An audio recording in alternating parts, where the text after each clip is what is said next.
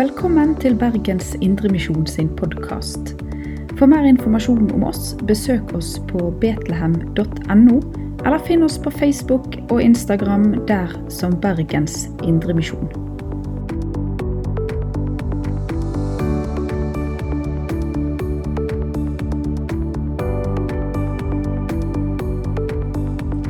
Kjekt å se dere, må jeg bare si. Til dere som sitter foran en skjerm, kjekt at dere er dere.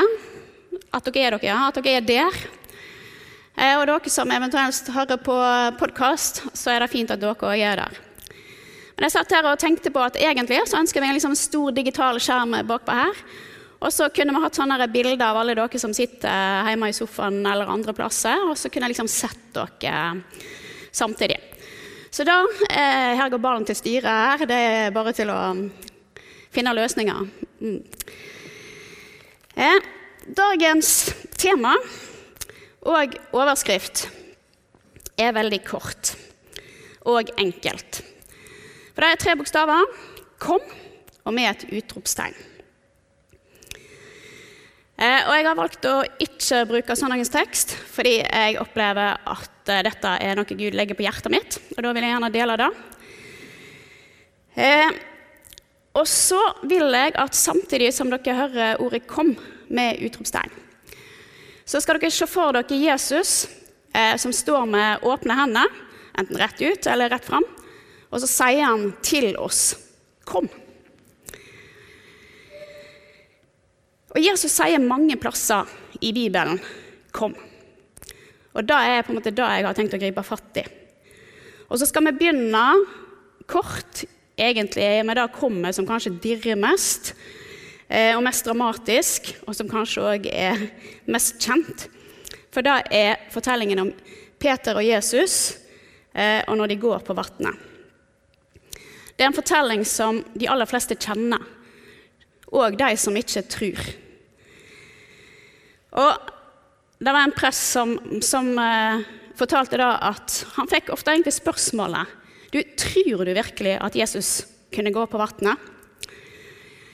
Eh, og da likte han egentlig å svare sånn at ja, jeg tror på en Jesus som har frelst meg, dødd for meg og sto opp igjen. Og da slår han gjerne litt sånn hull på hele spørsmålet om han gikk på vannet. For det blir kanskje enklere enn alt det andre som, som Jesus gjorde.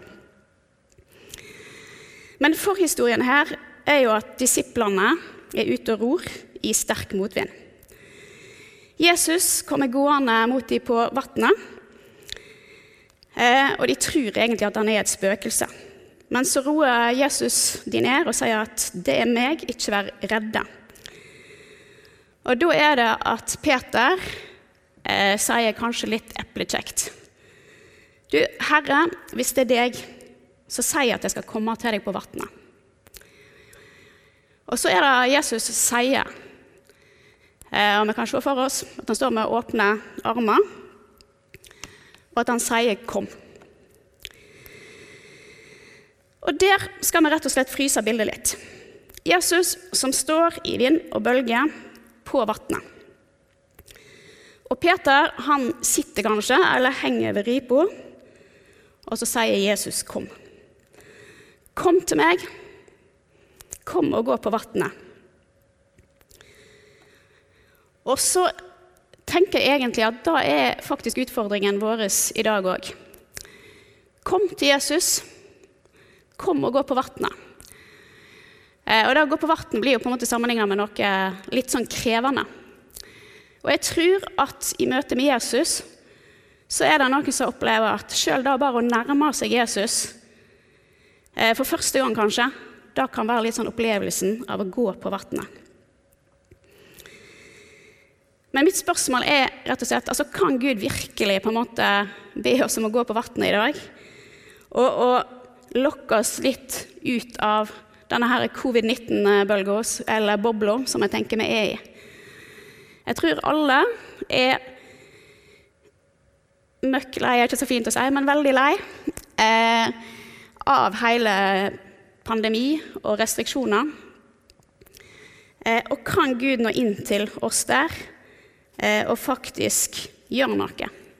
Altså, for Gud er alt mulig. Eh, vi er gjerne der at vi bare venter på at ting skal gå over. Men midt i dette så har vi en Gud som taler til oss.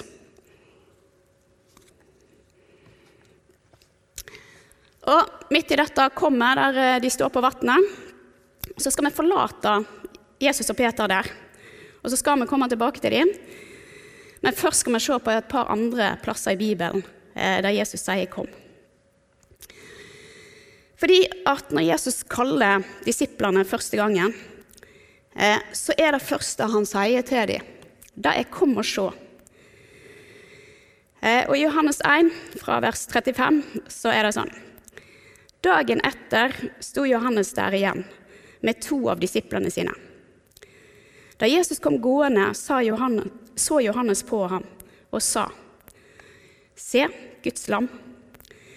De to disiplene hørte hva han sa, og fulgte etter Jesus. Og De to disiplene det er snakk om her, det er Andreas, som er bror til Peter, og Johannes, som senere kalte seg sjøl den disippelen Jesus hadde kjær. Og De har først gått sammen med døperen Johannes, eh, som har forberedt dem på at Messias skulle komme. Eh, og Dagen før dette møtet eh, så har de òg møtt Jesus fordi at Jesus kom til Johannes og ville bli døpt av ham. Eh, og Johannes er jo der at nei, nei, nei, eh, det er du som må døpe meg, og ikke jeg deg. Men Jesus er tydelig på at eh, dette må skje for at Skriftene skal gå i oppfyllelse. Eh, og så er òg Johannes veldig tydelig på at dette er den Messias som vi venter på, som Skriftene forteller. Og så sier han om Jesus Se, der er Guds land som bærer verdens synd. Og etter at Jesus er blitt døpt, så eh, erfarer de at himmelen åpner seg, Den hellige ånd kommer ned som ei due, og de hører en røst fra himmelen som sier at 'dette er min sønn, og i han har jeg glede'. Og så er det at Jesus snur seg, fordi at ja, Johannes og Andreas var etter. Jesus snudde seg og så at de fulgte ham, og han sa, 'Hva leter dere etter?' De svarte, 'Rabbi, hvor bor du?' Rabbi betyr lærer. Kom og se, sa Jesus. De gikk da med ham og så hvor han bodde, og de ble hos ham den dagen. Det var omkring den tiende timen. For Andreas og Johannes følger etter Jesus, men det er Jesus som tar første initiativet og møter de på halvveien. Han spør hva leiter dere etter. Det er egentlig et godt spørsmål. Hva leter du etter i livet ditt? Hva leter du etter i relasjon til Jesus? Og så eh, svarer de noe som jeg syns er litt rart. da. For de spør hvor bor du, Jesus? Hvor bor du? Og Jeg er ikke sikker på at det er nødvendigvis er liksom gateadresser som er det viktigste, eller hvordan huset ser ut. Altså bor Jesus i Himmelveien 7 eller Hallelujagata 77? Men jeg tror det handler like masse om altså hvor hører du til Jesus? Eller hvor hører du hjemme? Eh, og hvem er du egentlig, Jesus? Eh, og eh, Johannes evangeliet svarer egentlig på dette her i noen vers foran om hvem Jesus, eller hvor Jesus egentlig bor. I vers 18 i Johannes 1 så eh, sier sånn Ingen har noen gang sett Gud, men den enbårne, altså Jesus, som er Gud, og som er i fars favn, han har vist oss hvem han er. Så Jesus kan vi egentlig si hører hjemme hos Gud, og er Gud og i Gud, og han er i fars favn. Så et svar på hvor Jesus bor, er egentlig at det er i fars favn og hos Gud. Og så er det at Jesus inviterer de raust. Kom og se, kom og bli med meg. Og så blir de med hjem til Jesus eh, og er der den dagen. Og så får de lov til å bli kjent med han. Kanskje spiser de sammen. Jeg er helt sikker på at de prater masse. Eh, og de får en sjanse til å bli kjent. Og etterpå Andreas Simon Peters bror var en av de to som hadde hørt det Johannes sa, og som hadde fulgt etter Jesus. Han fant nå først sin bror Simon og sa til ham, Vi har funnet Messias. Messias betyr den salvede. Så førte han Simon til Jesus. Jesus så på ham og sa, Du er Simon, sønn av Johannes. Du skal hete Kefas. Det er det samme som Peter. Etter denne dagen sammen med Jesus, hjemme hos han, og sammen med han, så har Andreas funnet ut det aller viktigste. At Jesus er Messias, han er den som skal komme, han er den de venter på. Han er den som Skriftene forteller om. Og så blir eh, Simon med Andreas og til Jesus igjen. Og det er egentlig Peter vi hører mest om i Bibelen. Men det kan være greit å vite om Andreas at han er liksom beskrevet der han er med og tar med folk til Jesus. Det er liksom det som står om Andreas. Og så er det at Jesus kjenner framtida, og han vet hva Simon kommer til å bli. Eh, og det er sånn at Peter blir egentlig nevnt i denne fortellingen før han egentlig er med. Og Sånn sett så kan vi si at det er et frampeik eller en spoiler alert, eller som Bibelen heter det, en profeti om hva som skal skje. Eh, kom og se var starten til disiplene. De ble kjent med Jesus og skjønte hvem han var. Og etterpå da så kommer kallet til etterfølgelse. I Markus 1, vers 16, så leser vi en gang han gikk langs Galileasjøen, fikk han se Simon og Andreas, bror til Simon. De holdt på å kaste not i sjøen, for de var fiskere. Jesus sa til dem, 'Kom og følg meg, så vil jeg gjøre dere til menneskefiskere.' Straks lot de garnet ligge og fulgte ham. Da han kom litt lenger fram, fikk han se Jakob, sønn av Sebedeus, og hans bror Johannes. De satt i båten og bøtte garn. Da kalte han dem, og de forlot faren, Sebedeus, ble igjen i båten sammen med leiefolkene og fulgte ham. Kom og følg meg. Kom og gå sammen med meg. Det er mer radikalt og mer krevende enn bare å se. Og det kan få konsekvenser på en helt annen måte. Eh, det var ingen opptaksprøve eller et krav om at du må ha B på en eh, eksamen. Eh, men spørsmålet er egentlig bare kom, eller utfordringene er 'kom og følg meg'. Er det forskjell på å tro på Jesus og da å følge Jesus? Er det forskjell på å ha Jesus som frelser og Jesus som herre? Er det sånn at vi er blitt ordets hørere og ikke ordets gjørere? Og er det en forskjell på å være kristen og det å være en disippel? Uansett så krevde det noe av disiplene. De måtte forlate noe. De forlot jobben, de forlot båtene, arbeidsfolkene. Og de forlot Sebedeus, som var far til Jakob og Johannes. Eh, det kan koste å følge Jesus dit han vil, eh, og dit han leder. Eh, men det er det Jesus har kalt oss til. Og så er det et viktig poeng at det er han eh, som vil gjøre oss til menneskefiskere. Det er ikke vi, men han skal gå foran og vise vei. Og så har Jesus omsorg for sine disipler på mange vis. Og en av de tingene han sier til dem Og dette er faktisk etter han har stått opp igjen når han møter dem ved Tiberias-sjøen. Så sier han 'kom og få mat' fra Johannes 21.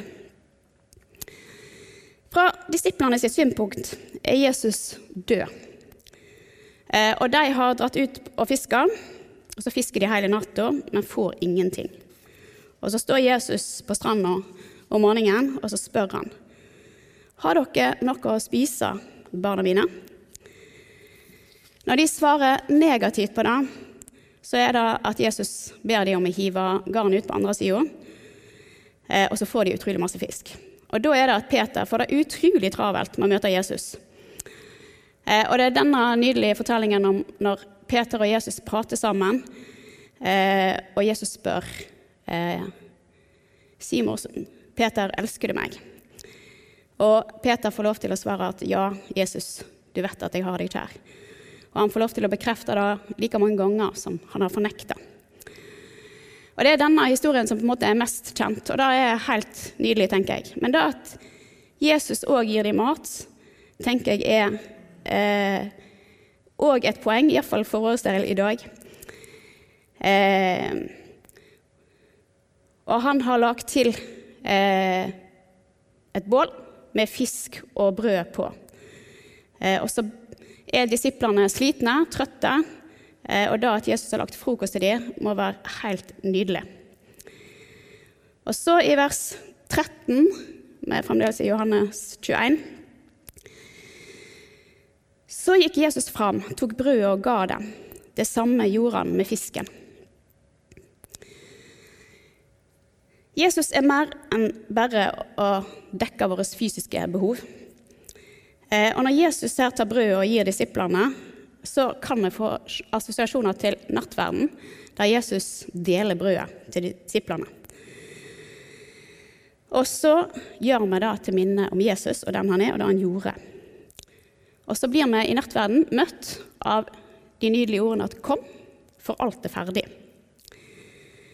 Men Jesus sier òg om seg sjøl i Johannes 6, vers 35 at 'jeg er livets brød'. Den som kommer til meg, skal ikke hungre, og den som tror på meg, skal aldri tørste. Bibelen og Guds ord blir også kalt vår åndelige mat, eh, eller mat for vårt åndelige liv. Og Når Jesus sier til oss at vi skal komme og ete, så handler det for vår del ikke om å få enda flere kalorier nødvendigvis, eller mer sjokolade og chips i sofakroken, eh, men det handler om å spise av hans mat for trua og kristenlivet. Er du sulten? Er det lenge siden du har spist? Mer enn bare et mandagkorn? Jesus sier, 'Kom og spis'. Kom inn i mitt ord. Eh, kom og vær sammen med meg der, og kom og et det som jeg har å gi dere. Og så eh, sier han òg at 'kom og drikk'. Han sa at 'den som tror på meg, skal aldri tørste'. Og Under løvhyttefesten så står Jesus fremme, og så roper han faktisk eh, i Johannes 7, vers 37. På den siste dagen i høytiden, den store festdagen, sto Jesus fram og ropte. Den som tørster, han skal komme til meg og drikke. Den som tror på meg, fra hans indre skal det, som Skriften sier, renne elver av levende vann. Dette sa han om Ånden, de som trodde på ham, skulle få. Ånden var ennå ikke kommet, for Jesus var ennå ikke blitt herliggjort. Ånden blir sammenligna med elver av levende vann, som skal renne fra det indre hos oss som tror. Og så handler ikke dette om hvem vi er, og om oss, men det handler om hvem Ånden er. Og Ånden bor i den som tror. Drikk av Ånden. La Ånden få lov til å virke og leske og forfriske oss. Styrke oss. Vi mennesker vi kan ikke klare oss lenge uten vann. To-tre dager, sier forskning. Vi kan klare oss i to-tre uker uten mat. Eh, Men det er ingen som anbefaler det. Eh, og det er jo greia her òg, at Jesus anbefaler oss langt fra å verken tørste eller sulte. Eh, for det mangler verken på vann eller på mat i Guds rike. Et av de mer kjente versene som Jesus sa, er i Matteus 11, 28. Kom til meg, alle dere som strever og bærer tunge byrder, og jeg vil gi dere hvile. Det er utrolig mange som strever. Strever med livet. Strever med det som bare blei sånn, eller det det ikke blei noe av. Strever med jobben. Strever med relasjoner. Strever med synd. Med sykdom. Strever med seg sjøl, kanskje. Strever med dårlige erfaringer og opplevelser. Jeg tror de fleste av oss strever med noe, og så er det noen som strever med masse. Og mange bærer òg utrolig masse. Eh, en bærer kanskje på dårlig samvittighet, ansvar for unger eller familiemedlemmer, gamle og syke foreldre. Kanskje kjenner du masse på ansvar i jobben eller på hjemmebane. Så er det bekymringer som er bedre. Det blir sammenligna med en stor ryggsekk som jeg går og bærer på konstant. Eh, og det er tungt å bære. Og det er utrolig tungt å bære alene. Og Der er Jesus tydelig. Kom. Kom til meg. Legg det av hos meg, og så vil jeg gir dere hvile fra alt. Og hva gjør Jesus med det? Jo, han nagler det til korset, der han allerede har sona, gjort opp og dødd for alt. Og da er det borte. Og så tenker jeg at Jesus vil gjerne være med og bære det som du faktisk må bære. Eh, og det er stor forskjell på å bære alene og bære sammen med noen. Og så sier òg Jesus, 'Kom og hvil'. Kom med til et øde sted og hvil. Eh, og rett før Jesus eh, mette 5000 mennesker, som er en kjent historie, så kommer disiplene til ham ganske sånn ivrige. Eh, for de har vært ute og vært disipler og praktisert. Eh, og så virker de litt sånn gira og litt sånn høye, og så kommer de til Jesus i Markus 6, vers 30. Apostlene samlet seg igjen hos Jesus og fortalte ham om alt de hadde gjort, og alt de hadde lært folket. Og han sa til dem, Kom med meg til et øde sted hvor du kan være alene, og hvil dere litt. Eller hvor vi kan være alene. Altså, Se for dere tolv disipler som i munnen på hverandre skal fortelle alt de har gjort, og alt de har sagt. Eh, Jesus' sin løsning og medisin her er rett og slett Kom, la oss gå til et øde sted og bare være alene og hvil. Hvordan hviler du? Er det balanse mellom hvile og arbeid? Eller tenker du på jobben når du hviler, eller tenker du på at du burde hvilt når du jobber? Sjøl Gud hvilte den sjuende dagen. Og For noen så er hvilen for eh, å ligge i sofaen. Noen er hagearbeid, noen er fisketur, båttur, fjelltur. For noen er hvile strikketøyet. For noen er hvile å være alene, og for andre så er hvile å være sammen med andre. Men vi trenger alle å finne vår hvile. Og Jesus han er et kjempeforbilde for oss og for disiplene. Jesus var seks uker i ørkenen før han begynte sin gjerning. Og han gikk veldig ofte avstides eh, og hvilte der.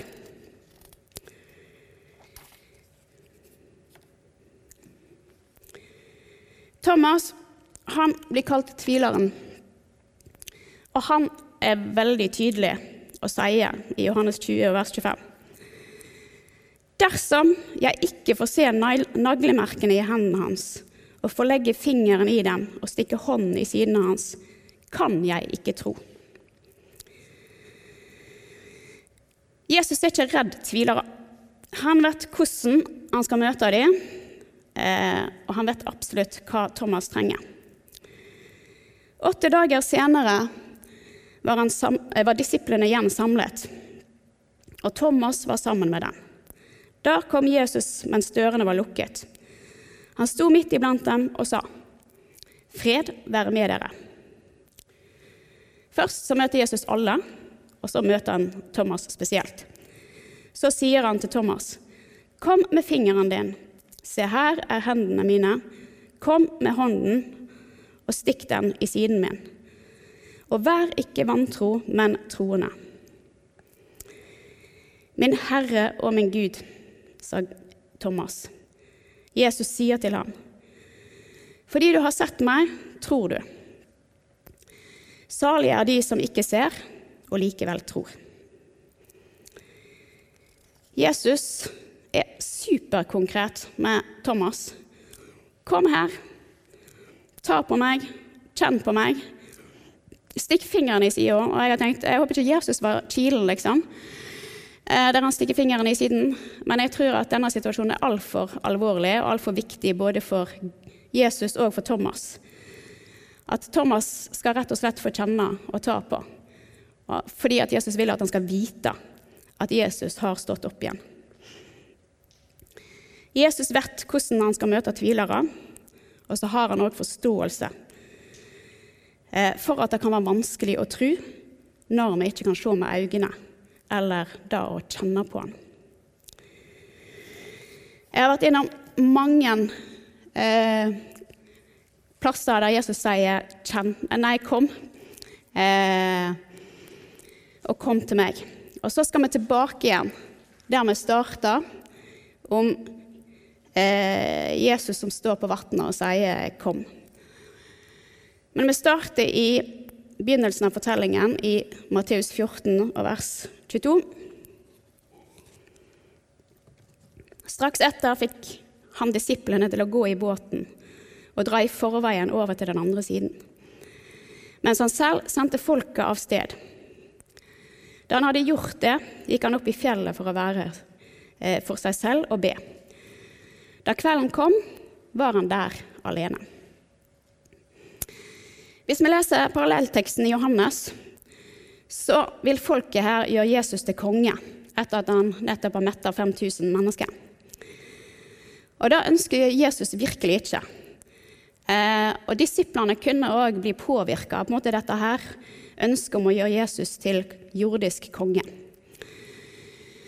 Så Jesus nøder disiplene eh, til å gå i båten, eh, mens han sjøl tar ansvaret for å sende 5000 mennesker vekk. Og så trenger Jesus å være alene. Eller alene sammen med Gud. Hvor bor du? i Guds favn. Han går opp på fjellet for å be. Det rakk han ikke å gjøre om dagen, så han tar natta til hjelp. Og vi vet ikke, men kanskje kan han fra fjellet eh, der han ber, se denne båten til disiplene som kommer til å få et problem. Båten var allerede langt fra land, og den kjempet seg fram i bølgene, for det var motvind. Men i den fjerde nattevakt kom han til dem gående på sjøen. Disiplene hadde rodd mellom seks og ni timer i motvind. De er trøtte og slitne. Kanskje de er motløse. Og de er bare kommet tre eller fire kilometer av gårde. Altså, det er ja, en halv kilometer i timen. 500 meter. Eh, det må ha vært litt frustrerende å ro denne båten. Eh, og så hører vi òg at når Jesus stiller stormen, så kommer de straks til land eh, enn når de var midt på sjøen. Eh, da gikk det litt mer smooth. Men Jesus han kom ikke med det samme at nødsituasjonen oppsto. Eh, kanskje han ville lære de lekser, og kanskje han vil lære oss det. For det kan komme stormer, selv om det er Jesus som har bedt oss om å gå i båten. Men Jesus følger alltid med. Eh, på sine disipler. Og Disiplene de kunne ikke gå til Jesus. Det var òg egentlig dårlig både med mobilforhold eh, og mobiler på den tid. Men Jesus kunne sjøl gå til disiplene sine, og det gjorde han. Sjøl om det var på sjøen. Og så bruker Jesus her faktisk et element som mange av oss kanskje frykter. Altså Vann eller sjø kan være skummelt. Og så gjør Jesus da til en sti for sine føtter. Og ofte kan faktisk eh, de største velsignelsene komme eh, gjennom forhold som vi gruer oss til, eller gjennom mennesker vi frykter mest. Og det å gå på vann det var så utenkelig at egypterne altså de brukte hieroglyfer.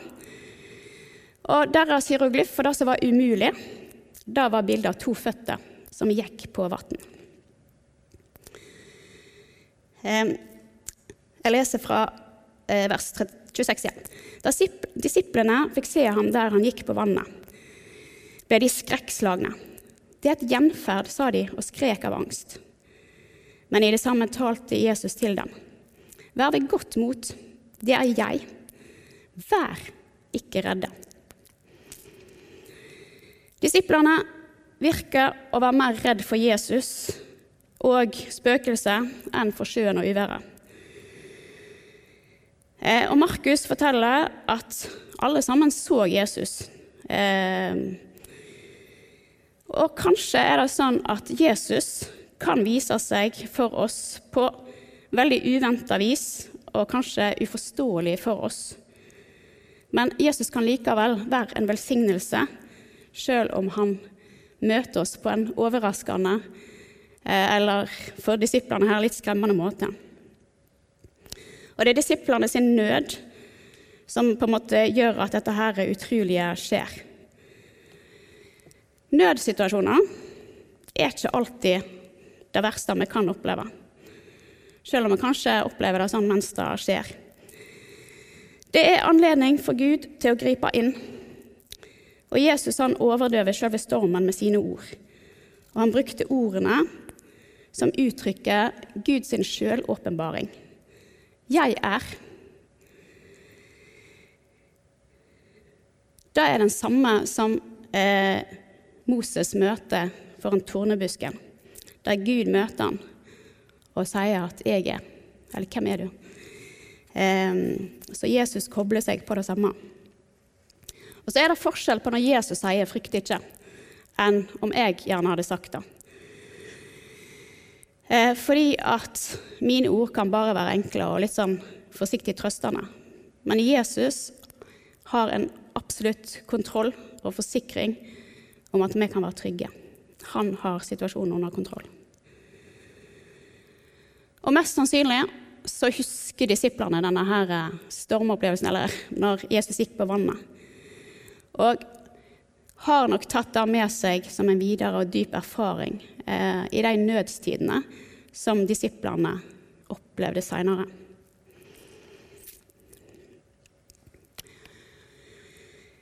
Da sa Peter til ham, 'Herre, er det deg?' Så si at jeg skal komme til deg på vannet.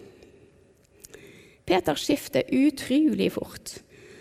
Han har nettopp vært superredd både for livet sitt og for spøkelset og for Jesus og alt sammen.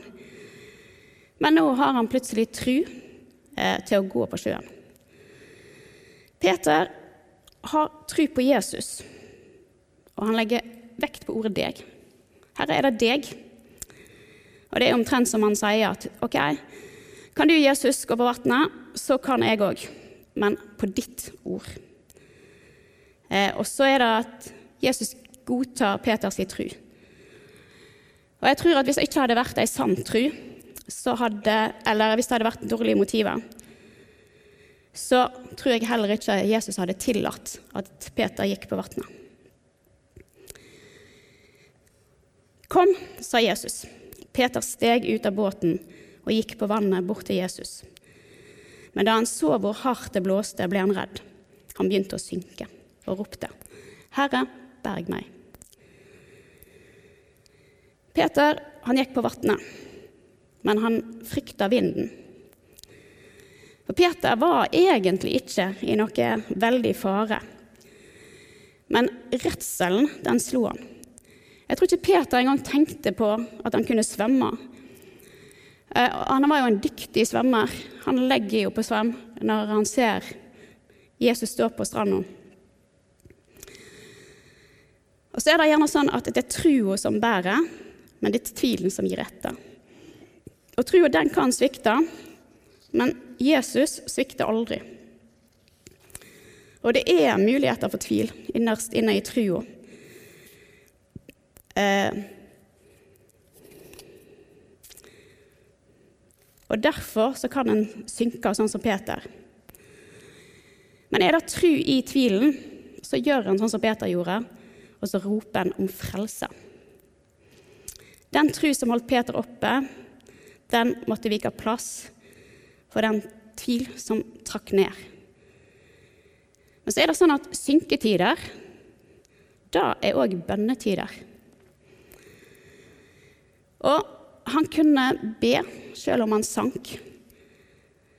Eh, han fikk ikke sagt så masse, men ei kort bønn som kommer fra hjertet, det er nok.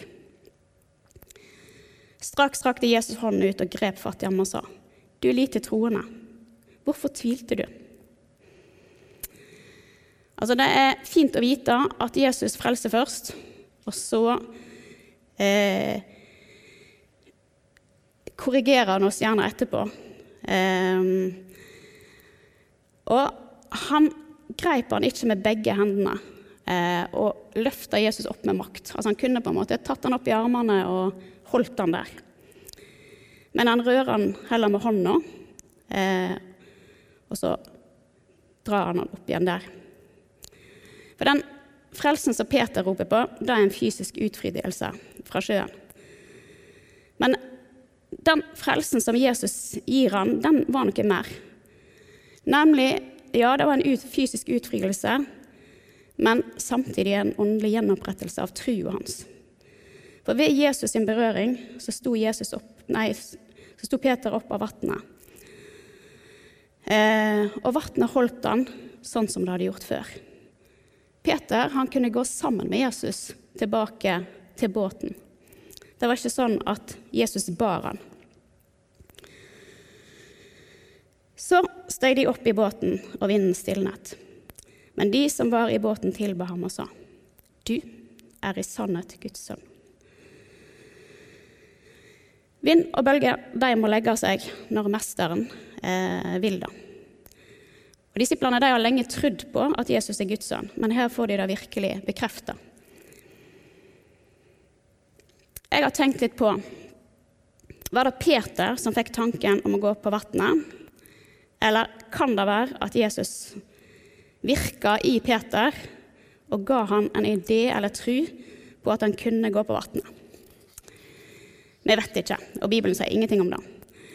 Men jeg tror at Jesus innimellom kan gi oss tanker eller ideer som er fra ham, som vi ikke er i stand til å komme på sjøl, eh, men som han likevel ønsker oss at vi skal gjennomføre.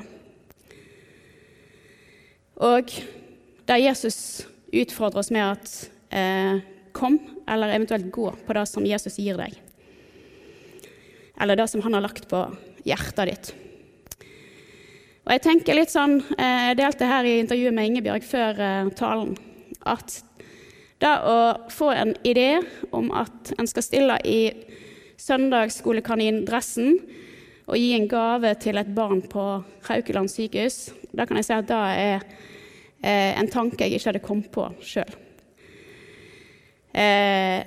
Men så kan jeg òg si at det å faktisk gjennomføre det det å tre på seg kanindressen eh, og troppe opp på Haukeland, eh, det kan oppfølges oppfor, eh, Eller opp, Nå ble det veldig vanskelig her. Men iallfall oppleves eh, som å gå på vann.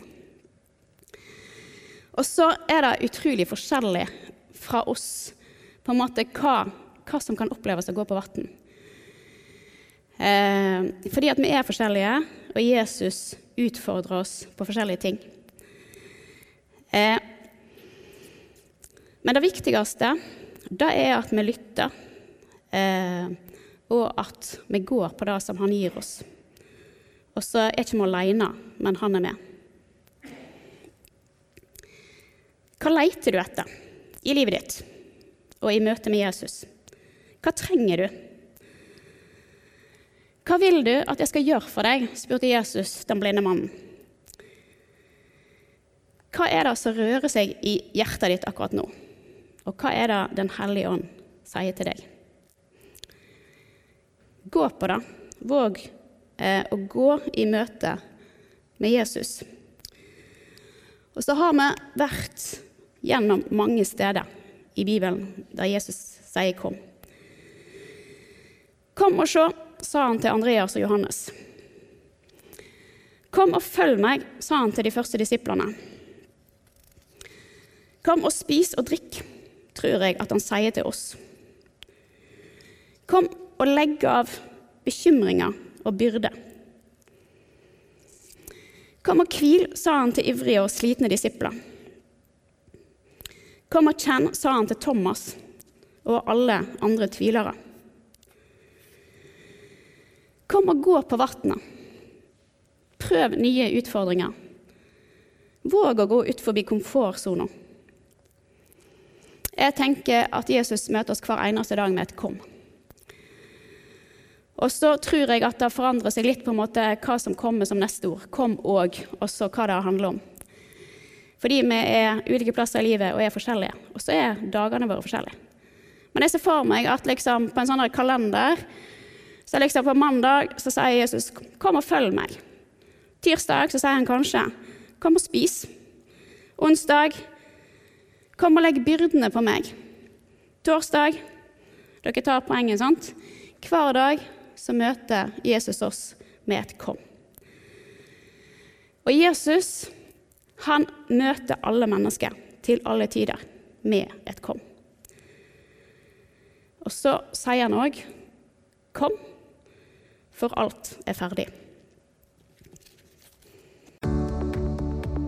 Du har lytta til Bergens Indremisjon sin podkast. For mer informasjon om oss, besøk oss på betlehem.no, eller finn oss på Facebook og Instagram der som Bergens Indremisjon.